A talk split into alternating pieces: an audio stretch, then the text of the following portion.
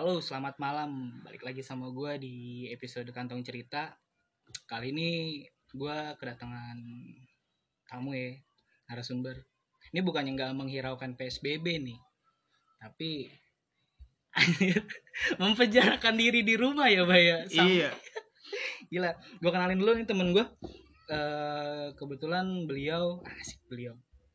Lu deh kenalin diri lu sendiri deh, boleh deh. Main diri gue sendiri. Iya. Sebenarnya nggak ada yang menarik sih dari diri gue. Jangan gitu dong. Jangan gitu dong. Oke, eh gue sebenarnya ini mahasiswa rantau ya kan. Rumah gue di Bekasi, gue kuliah di Jogja di salah satu universitas swasta di Jogja lah, nggak negeri sih. Niatnya mau masuk UGM, cuma gue nggak kesampaian ya kan. Karena keterbatasan, bukan keterbatasan materi, bukan keterbatasan otak. Dia sadar diri aja gitu ya. Sadar diri keterbatasan otak, nggak mampu masuk UGM bersaing ya udah gue nyemplung di swasta dah akhirnya. nggak perlu gue sebut lah universitasnya ntar gue takutnya promosi atau apa juga nggak dapet duit dari univ kan Udah cerita ke situ. Oke. Selamat datang buat Abi. Wah, ini kawan gue nih, Bay. Jadi doi temen gue dari SD, SMP. Kita udah dua dua kali ketemu di sekolah berarti ya. Iya Iya, cuman cuman hal baiknya doi lumayan lah ya. Gua aja nih yang kurang jelas nih kan. Tapi bukan itu sih yang mau kita bahas di sini. Jadi karena doi kan ngerantau nih, maksudnya tinggal di Bekasi, terus lu kuliah di Jogja. Nah, eh lu di Jogja itu ngekos apa rumah, Jon? tadinya sih gue pertama tinggal di rumah mbak gue kan cuma ya tahu sendiri lah yang namanya anak muda ya kan pulang malam nongkrong nggak bebas juga kan gue ya kan Budaya ke- budaya Bekasi ke bawah gitu ya. berarti? iya ya kan Soalnya Pulang. setahu gue, setahu gue Jogja tuh kemayu, adem-adem aja gitu. paham gue tapi kan jiwa brutal gue masih ke bawah di Jogja Con gue pulang malam gak enak kan sama mbak gue dan akhirnya gue untuk memutuskan untuk ngekos aja ya kan ya ngekos dua kali satu. Anjing kuburan dong dua kali satu. Enggak deng. Ya bisa lah untuk tidur ya kan. Lumayan cukup murah. Juga kosan deket sama kampus gua ya oke lah ya kan. Jadi kayak gitu. Nih, eh, oh iya, Bay, ini kan kita udah udah udah jadi udah jadi eh isu publik nih soal ya lu tau lah COVID ya kan, COVID-19 yang di tahun ini cukup geger ya kan dibahas di banyak kalangan. Dan dari lu sendiri nih eh, dampak COVID itu tuh kayak gimana sih ke ke kehidupan lu gitu, keseharian lu. Ini eh, lu jelasin boleh mulai dari pas lu di Jogja. Setahu gua kan lu balik itu kan pas eh, ke Bekasi pas udah udah mulai PSBB mulai rapet kan tuh. Nah, pas di Jogja dulu tuh gimana tuh? waktu sebelum PSBB di sini ya di Jabodetabek itu gue mas di, masih di Jogja itu pokoknya gue itu pulang ke Bekasi tanggal 18 eh, April kalau nggak salah kan. 18 April ya kan. Gue modal nekat aja itu kan sebenarnya gue nggak diizinin pulang juga Tapi di sana udah udah mulai ada pencegahan gak sih akses buat udah udah lockdown lockdown gitu lah lockdown lockdown palkor sebenarnya ke mana? lockdown Falcor ya? iya Tapi belum- di, di, di deket kosan gua tuh kan jadi kosan gua itu kan deket gang ya kan Mhm. ada portalnya yang jaga yang jagain bapak bapak ya kan Ya, sama mungkin anak-anak Karang Taruna gitu ya kan Anjay.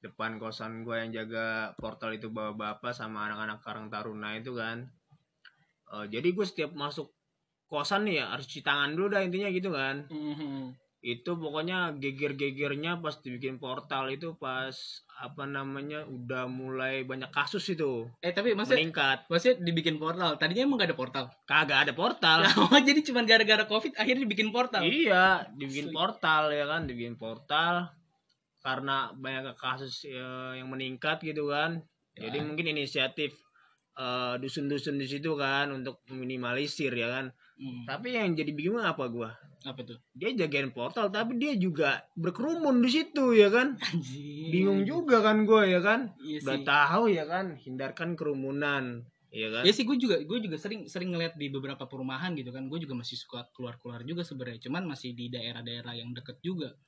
Eh, kita dihindari buat eh, nyentuh keramaian tapi di titik di titik yang harusnya nggak ada keramaian malah ada keramaian nah Jun. itu dia Iya kan? bingung juga kan gua Hmm. makanya waktu itu gua kan sama temen gua ditemenin ya kan Hmm. kira-kira gua sambil sambil gini gua sambil kayak nerawang begini nih sama temen gua ini kira-kira portal bertahan berapa lama nih kan Iya, iya. ya kan ini terus kata teman gue begini lihat aja ntar paling ntar uang kas RT juga habis itu ya Cuma perkara bikin portal. iya lihat ntar juga uang kas RT habis ya bakal ya sekarang gini aja kalau jagain portal pasti konsumsi harus ada Pasti. ya enggak kopi Kopi, pastel. cemilan Iya. rokok Iya. ya enggak lihat Iya. aja ntar mau bertahan berapa lama paling uang kas RT habis ini kata gua Yang niatnya mau bantu malah ntar kita membantu mereka ya. iya Anjay. belum ntar beli sabun hand sanitizer Iya, iya ya sih. kan disinfektan segala macem ah desinfektan apa desinfektan anjir itu itu wipol campur air gue serasa jadi rantai anjir Iya kayak kecoa anjir kayak, kayak serangga gue anjir. enggak ya disebabkan Iya. anjir geblek geblek Kacau, kacau. Makanya ya kan, wah kata gua gua nggak betah juga nih kalau misalkan gua tiap keluar masuk kosan disemprot, Hmm. ya kan, Hmm. semprotin terus ya kan. Wah kata gua udahlah. Akhirnya gua tanggal 18 ya kan, teruskan Hmm. untuk balik. Sebenarnya udah dicegah, udah nggak usah balik dulu ya kan. Mhm. Gua udah punya firasat nih, wah gua daripada gua nggak bisa pulang, Mhm. modal nekat aja kan gua. Mhm. kira ya udah kan gua ke loket bis ke loket bis ya kan kan waktu itu kan katanya eh, transportasi umum isinya cuma boleh 50% ya kan isinya kan. Oh setengah tuh. Setengahnya doang. Jadi kalau misalkan kapasitas bisa 50 cuma boleh diisi 25 oh, oh, oke kayak oke. gitu ya kan. Udah kan akhirnya ada tuh gue beli. Bis ya kan. Oh beli? Lu beli bis? Kagak gue beli tiket oh, beli tiket. Di tiket ya kan. Abis gimana ya? Kereta udah nggak ada udah nggak boleh. Pembat pembatalan tiketnya udah pada di oh itu itu pada tanggal tanggal berapa sih ya? Kalau nggak salah itu kayaknya. Pokoknya pertengahan per, awal-awal April dah tuh itu udah wih wih, kere- eh, kereta api udah nggak bisa Iya. operasi ya nah, udah nggak bisa itu udah nggak bisa dipesen ya kan Hmm, hmm, hmm, hmm. terus gua cek lagi itu waktu itu tuh ya kan ada tiket kereta tapi tanggal 26 Lah? tanggal 26 April jadi tiket kereta itu mengacu kepada PSBB Jakarta waktu itu ya Oh kan Jakarta Jakarta me- menjadi porosnya pada iya hari itu. Oke. iya kan Oh. PSBB terakhir apa PS pemberlakuan PSBB itu di Jakarta itu sebelum diperpanjang nih ya Mhm, itu mhm. tanggal 24 April ya kan Oke. nah udah ah kata gua nggak beres nih udah gua naik bis saya udah nekat ya kan wow perlengkapan safety gua masker sarung tangan Hmm, ya kan peci segala macem hmm. pakai gamis juga gua Anjir, lu bawa tas gak? Jangan-jangan isinya bom pancin. anjir isis gua ini gila gila gila. Tapi pada hari itu juga ada temen gue juga, ya kan Dek dari dari Surabaya. Oh ini gue gue manggil dia Gedek ya, soalnya emang panggilan kecil. Jadi eh, temen gue waktu itu ke Surabaya, dia dia dia punya bisnis travel ya kan, Hmm, punya hmm. bisnis travel. Dia nganterin mobil tuh dari Bekasi ke Surabaya tuh, dan Hmm. ada beberapa temen gue juga yang anak rantauan yang nanya informasi kan, Hmm. nanya informasi, Mas gimana? Kok bisa bisa bisa eh, ada akses masuk tol. Kan setahu gua pada hari itu pun katanya tol juga ada pembatasan juga kan. Iya. apalagi jalur-jalur biasa tuh. Mm-mm. nah terus akhirnya gue tanya informasi ke dia gimana nih? Eh, kok lu bisa bisa sampai Surabaya? Padahal hari itu tuh PSBB udah udah mulai ketat tuh. Terus dia bilang sebenarnya pada hari itu tuh di tol itu nggak ada bay. Jadi nggak ada pemeriksaan lu nggak ada pembatasan tuh masih bisa tuh lancar tuh jalan yang ada pembatasan itu yang ada pencegahan itu cuma di jalur-jalur eh, umum doang tuh Hmm. jalur-jalur umum, umum kota katanya itu Hmm. ada nah kalau misalkan lu kena biasanya kalau emang positif bakal dikarantina di situ langsung iya sama 14 hari makanya gue juga kemarin pas pulang ke Bekasi ya kan Hmm. biasa ya kan dapat broadcastan gak jelas ya kan bokap gua kan Hmm. katanya kalau balik ntar di karantina kata siapa kata oh bilang. ini deh bapak-bapak WhatsApp itu iya ya? bawa WhatsApp nggak jelas itu kan asli asli gue bilang kata siapa di karantina ya kan Hmm. ini broadcastnya bohong itu ya kan Hmm. pas gue sampai sini gue sampai Bekasi itu jam satu Mhm. ya kan jam satu malam ya kan gue bilang gini ya kan bokap gue mana di tol nggak ada pemeriksaan ya kan Yoi. selau-selau aja juga lengang-lengang aja nggak ada Gak, gak bakal bisa lah nyentuh Iya. nyentuh aset aset kapitalisme itu gak bakal bisa bay makanya sekarang gini aja ya kan PSBB PSBB misalnya dari jam 6 sampai jam 5 sore. Dapat tugas juga capek, John. Iya, Pemeriksaan satu-satu. hasil lah pasti Iya nggak? capek lah, pasti capek lah di sub juga kan. Iya, apalagi musim puasa kayak gini kan. Mhm. Udah pasrah udah selalu dah. Mau kena-kena kagak-kagak dah. Pasti. Covid-covid dah. pasti sih pasti dan Iya. ya, pasti juga kerugian juga kan ya kan Iya. berdampak juga nah kayak gitu kan terus Hmm, hmm. masih di lingkungan kampus atau masih di lingkungan tempat lu ngerantau nah kalau misalkan di sekarang nih di sini nih di Hmm, Bekasi hmm, nih di hmm. rumah lu Hmm. dampaknya itu kayak gimana nih karena covid dampak ekonomi lu dampak eh, ke lingkungan sama dampak-dampak keseharian lu tuh kayak gimana Udah berapa lama gue di Bekasi? Hampir tiga mingguan. Hmm. Tiga mingguan gue di rumah, buset udah kayak Bandeng Presto gue lunak banget tulang belakang gue rebahan mulu ini. Asli dah kata gue. Ya gue kan bocahnya kan ya ini kan ya aktif gitu kan, nggak betah di rumah ya Nah, kan. harus ada aktivitas pokoknya gitu. Iya, pokoknya intinya Hmm. ada aktivitas lah ya kan kata gua. Anjir, apa yang ini bisa di online nih kan biar Iya. bisa menghasilkan ya minimal ya kan. ya ya, ya. Mau ngerjain tugas juga nggak mood anjir. Eh, emang emang jiwa-jiwa anak-anak rantau tuh biasanya kayak gitu tuh nyari Hmm. nyari duit sama nyari kehidupan ya kan Iya, Hmm. udah kebiasaan di sono ya kan sambil nyambi nyari duit ya kan. Kerjaan tugas juga nggak mood ya kan. Duit ongkoh kata gua. ayo duit ongkos Iya. duit ongkoh banget kata gua. Yang penting mah sekarang ada duit buat beli rokok, buat beli kuota, udah itu ya. Asli. Udah aman banget itu. apalagi kuliah sekarang online ya bay ya Iya. Aduh. Ya Allah kata gue kuliah online, gue udah bayar mahal-mahal, ya kan? Kuliah Iya, udah kayak kuliah fiktif gue anjir. kuliah fiktif anjir iya, kuliah fiktif gak nyata ya iya, kuliah fiktif doang anjir. asli Kadang ya kan ada kelas pagi jam 7. Ya. Kelas pagi jam 7. Kalau di rumah pasti bawaannya males ya kan gue bangun jam 12. Ntar kadang-kadang gue nggak kelas online ya kan. Iya betul betul Absennya di grup ya kan. Ya udah gue ikut absen aja udah di grup ya kan. Gue tadi hadir ya kan. iya Kayak gitu ya kan. Karena gimana sebenarnya tugas banyak ini kan ya. Hmm. Tapi nggak mood aja gitu John. Kepikiran anjir, kepikiran gak punya duit. Asli ya Asli kepikiran gak punya duit. Asli.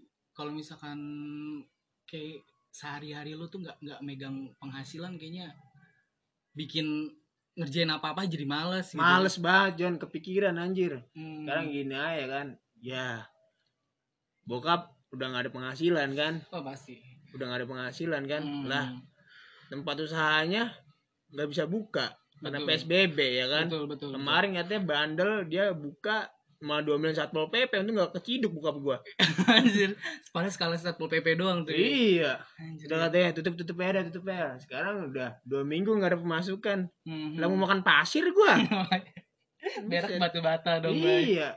ya iya juga sih iya juga sih soalnya kayak kok nggak ada nggak ada bantuan bukan masalah nggak ada bantuan sih apa gitu ya pertolongan dari pemerintah misalkan gitu kan buat kita enggak gue nggak nyalin pemerintah ya maksudnya Hmm. gue juga nggak nuntut banyak dari pemerintah cuman ya kayak gini dari dari cerita lo sendiri aja. Dan Hmm, gue pun akhirnya ngalamin kan. Hmm. nggak cuma kita berdua pasti.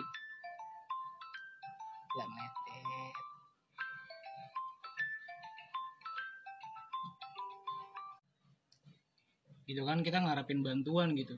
Ya maksudnya kayak lebih ya ayolah gitu kan. Kita juga akhirnya harus butuh itu gitu ya kan. Iya. meskipun tadinya kalau dibilang cukup ya cukup gitu kan. Cuman kalau dalam keadaan kayak gini yang yang yang tadinya cukup bisa aja jadi nggak cukup ya kan. Mm-mm. soalnya menurut gua yang layak dapat bantuan itu yang emang membutuhkan dalam arti kata membutuhkan itu ya lihat kondisinya juga. Mungkin aja yang tadinya emang punya pekerjaan tiba-tiba hilang pekerjaan. Iya. ya nggak sih? Kan sekarang banyak PHK lagi. nah itu dia. Itu dia sih. Krusial banget tuh. Yang yang teman gua aja yang yang yang udah ngabdi di kantor ya udah sekian tahun itu itu itu kena baik itu kena. Ngeri John. asli itu kena. Dan nggak cuma karyawan swasta bahkan ada ada karyawan PT juga apalagi karyawan PT ya Hmm. kan yang harus supply banyak eh, kebutuhan umum gitu kan. Mereka kan produksi itu semua.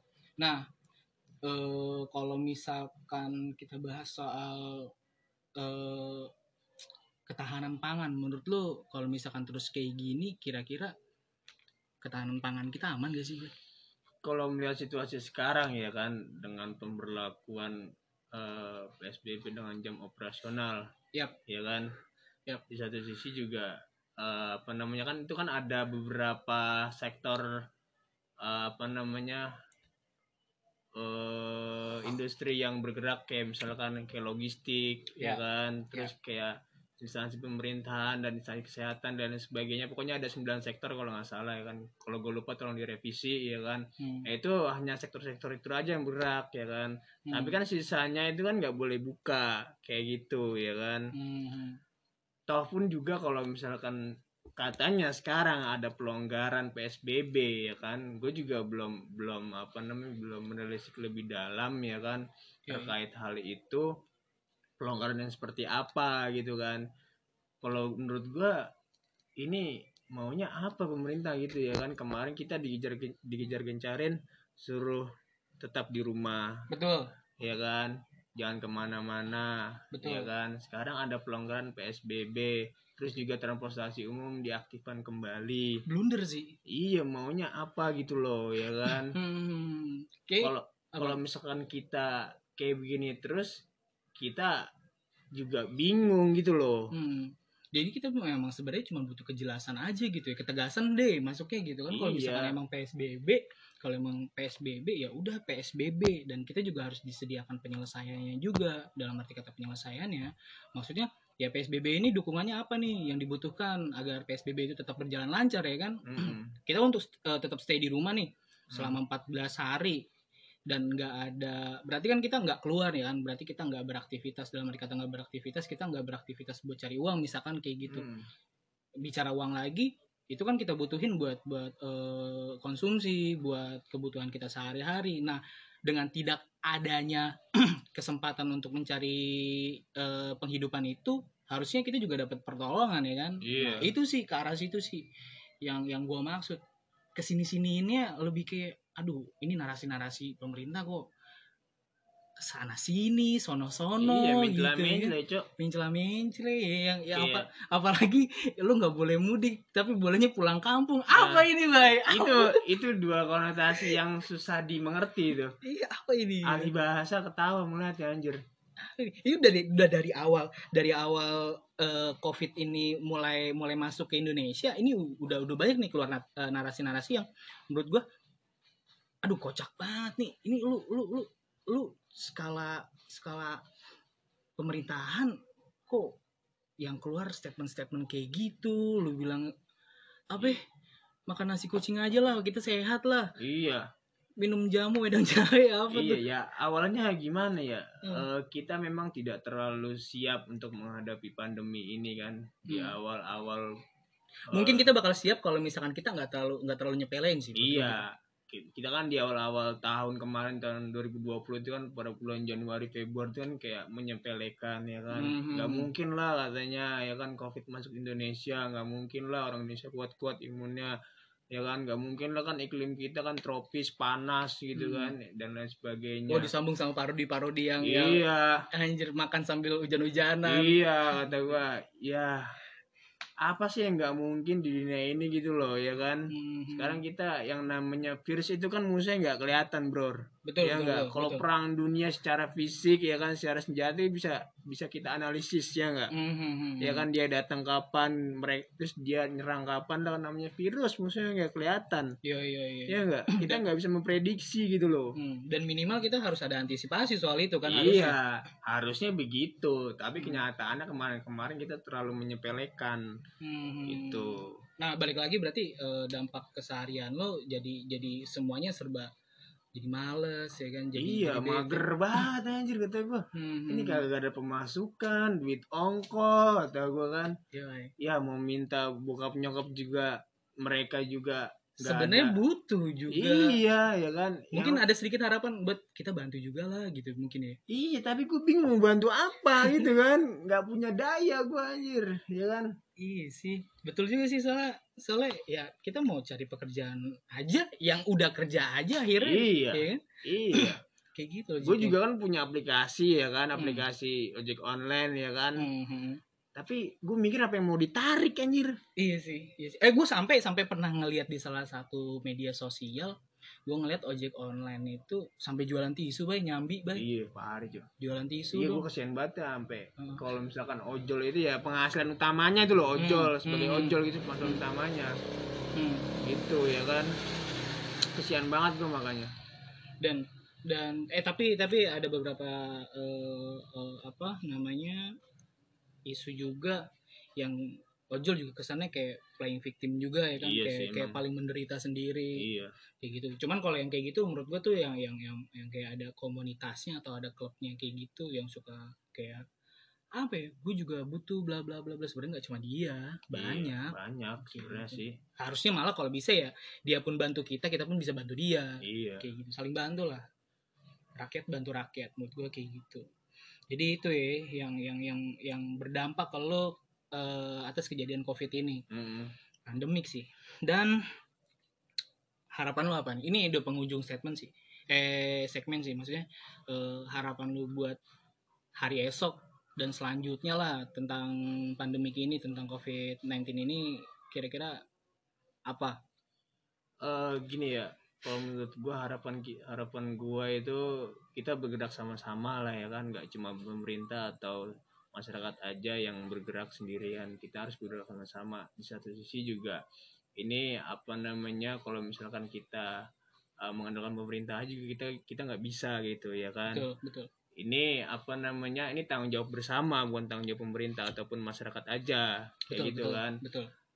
Eh cepat atau lambatnya covid ini tergantung kepada kita Hmm. gitu kan kita apa namanya eh, dalam menyikapinya seperti apa ya kan? Kalau emang kita menyikapinya dengan masa bodoh ah gua belum kenal lihat aja ya kan? Lu berdiri tengah tol dah lu ya kan? Oh iya orang-orang apatis kayak gitu tuh. iya ya kan? Lu berdiri tengah tol ya lu kalau nggak dicium sama tronton lu ya kan? Mati juga kan lu. Maksud gua gini loh coba berpikir realiti apa realistis lah gitu ya Iya, kan? iya, iya. yang masuk akal ya kan ayolah kita apa namanya bantu sama-sama ya kan pemerintah dalam apa namanya pencegahan virus covid ini gitu ya kan. Biar nggak berlarut-larut seperti inilah. Udah capek John. Udah hampir dua bulan ini loh. Udah Betul. hampir dua bulan ya kan. Betul betul. Udah hampir dua bulan kita kayak gini terus ya kan. Terus kalau misalkan memang ada prediksi bahwa sana prediksinya itu puncaknya bulan Juli ya kan. Hmm. Ya memang kan ada beberapa ahli kan memprediksi bahwasannya puncak dari virus COVID-19 ini kan katanya bulan Juli. Hmm, hmm. itu prediksi para ahli ya kan? Tapi kita lihat skema buruknya lah ya kan? Yap. skema buruknya itu ya kan perkiraan bulan Agustus atau enggak September ya kan? Yap, itu yap, puncaknya. Tapi kan recovery-nya lama John. Betul betul, nggak betul. mungkin dua dua minggu atau sebulan. Sebenarnya nggak sebenarnya nggak nggak bakal ada eh, analisis kayak maksudnya yang yang yang yang tepat lah ini masih masih susah diduga juga kan ya? Iya. masih susah diduga juga Heeh. soalnya balik lagi ke kita juga kan kayak gitu Heeh. oke pokoknya tergantung kita lah bagaimana menyikapinya sebenarnya Hmm. ini kalau misalkan mau cepet mau lambat ya kan itu kita harus mentaati gitu loh PSBB ini ya kan Hmm. satu sisi juga pemerintah juga harus dukung kayak gitu betul betul betul saling Ya kan? mengisi nah saling itu dia makanya gitu. Oke thank you buat buat Habi eh, bincang-bincangnya nih ya kan. Asli oh iya tadi gua gua eh, doi ini apa? Visip ya John ya? Iya gue visip cok. Visip. Jadi nyenggol nyenggol dikit nggak apa-apa lah ya. Gak apa ya tapi kita itu kalau mau bahas-bahas perihal itu harus ada ruang diskusi khusus itu. Oke ya kan harus ada ahlinya juga lah. Iya, sip sip. Iya. dan dan gua pernah eh, baca satu kutipan kalau misalkan virus itu diciptakan oleh Tuhan singa juga diciptakan oleh Tuhan nih. Kalau misalkan lu dikandangin dalam satu kandang sama hewan itu kira-kira lu takut gak ya lu takut lah pasti. Iya. virus pun kayak gitu. Kalau misalkan lu ditempatin da- di satu tempat yang sama ya lu pasti takut lah. Iya pasti takut lah. Yang namanya singa ya kan? Iya kan? Kayak gitu resiko matinya ada. Iya. Oke, thank you buat HB.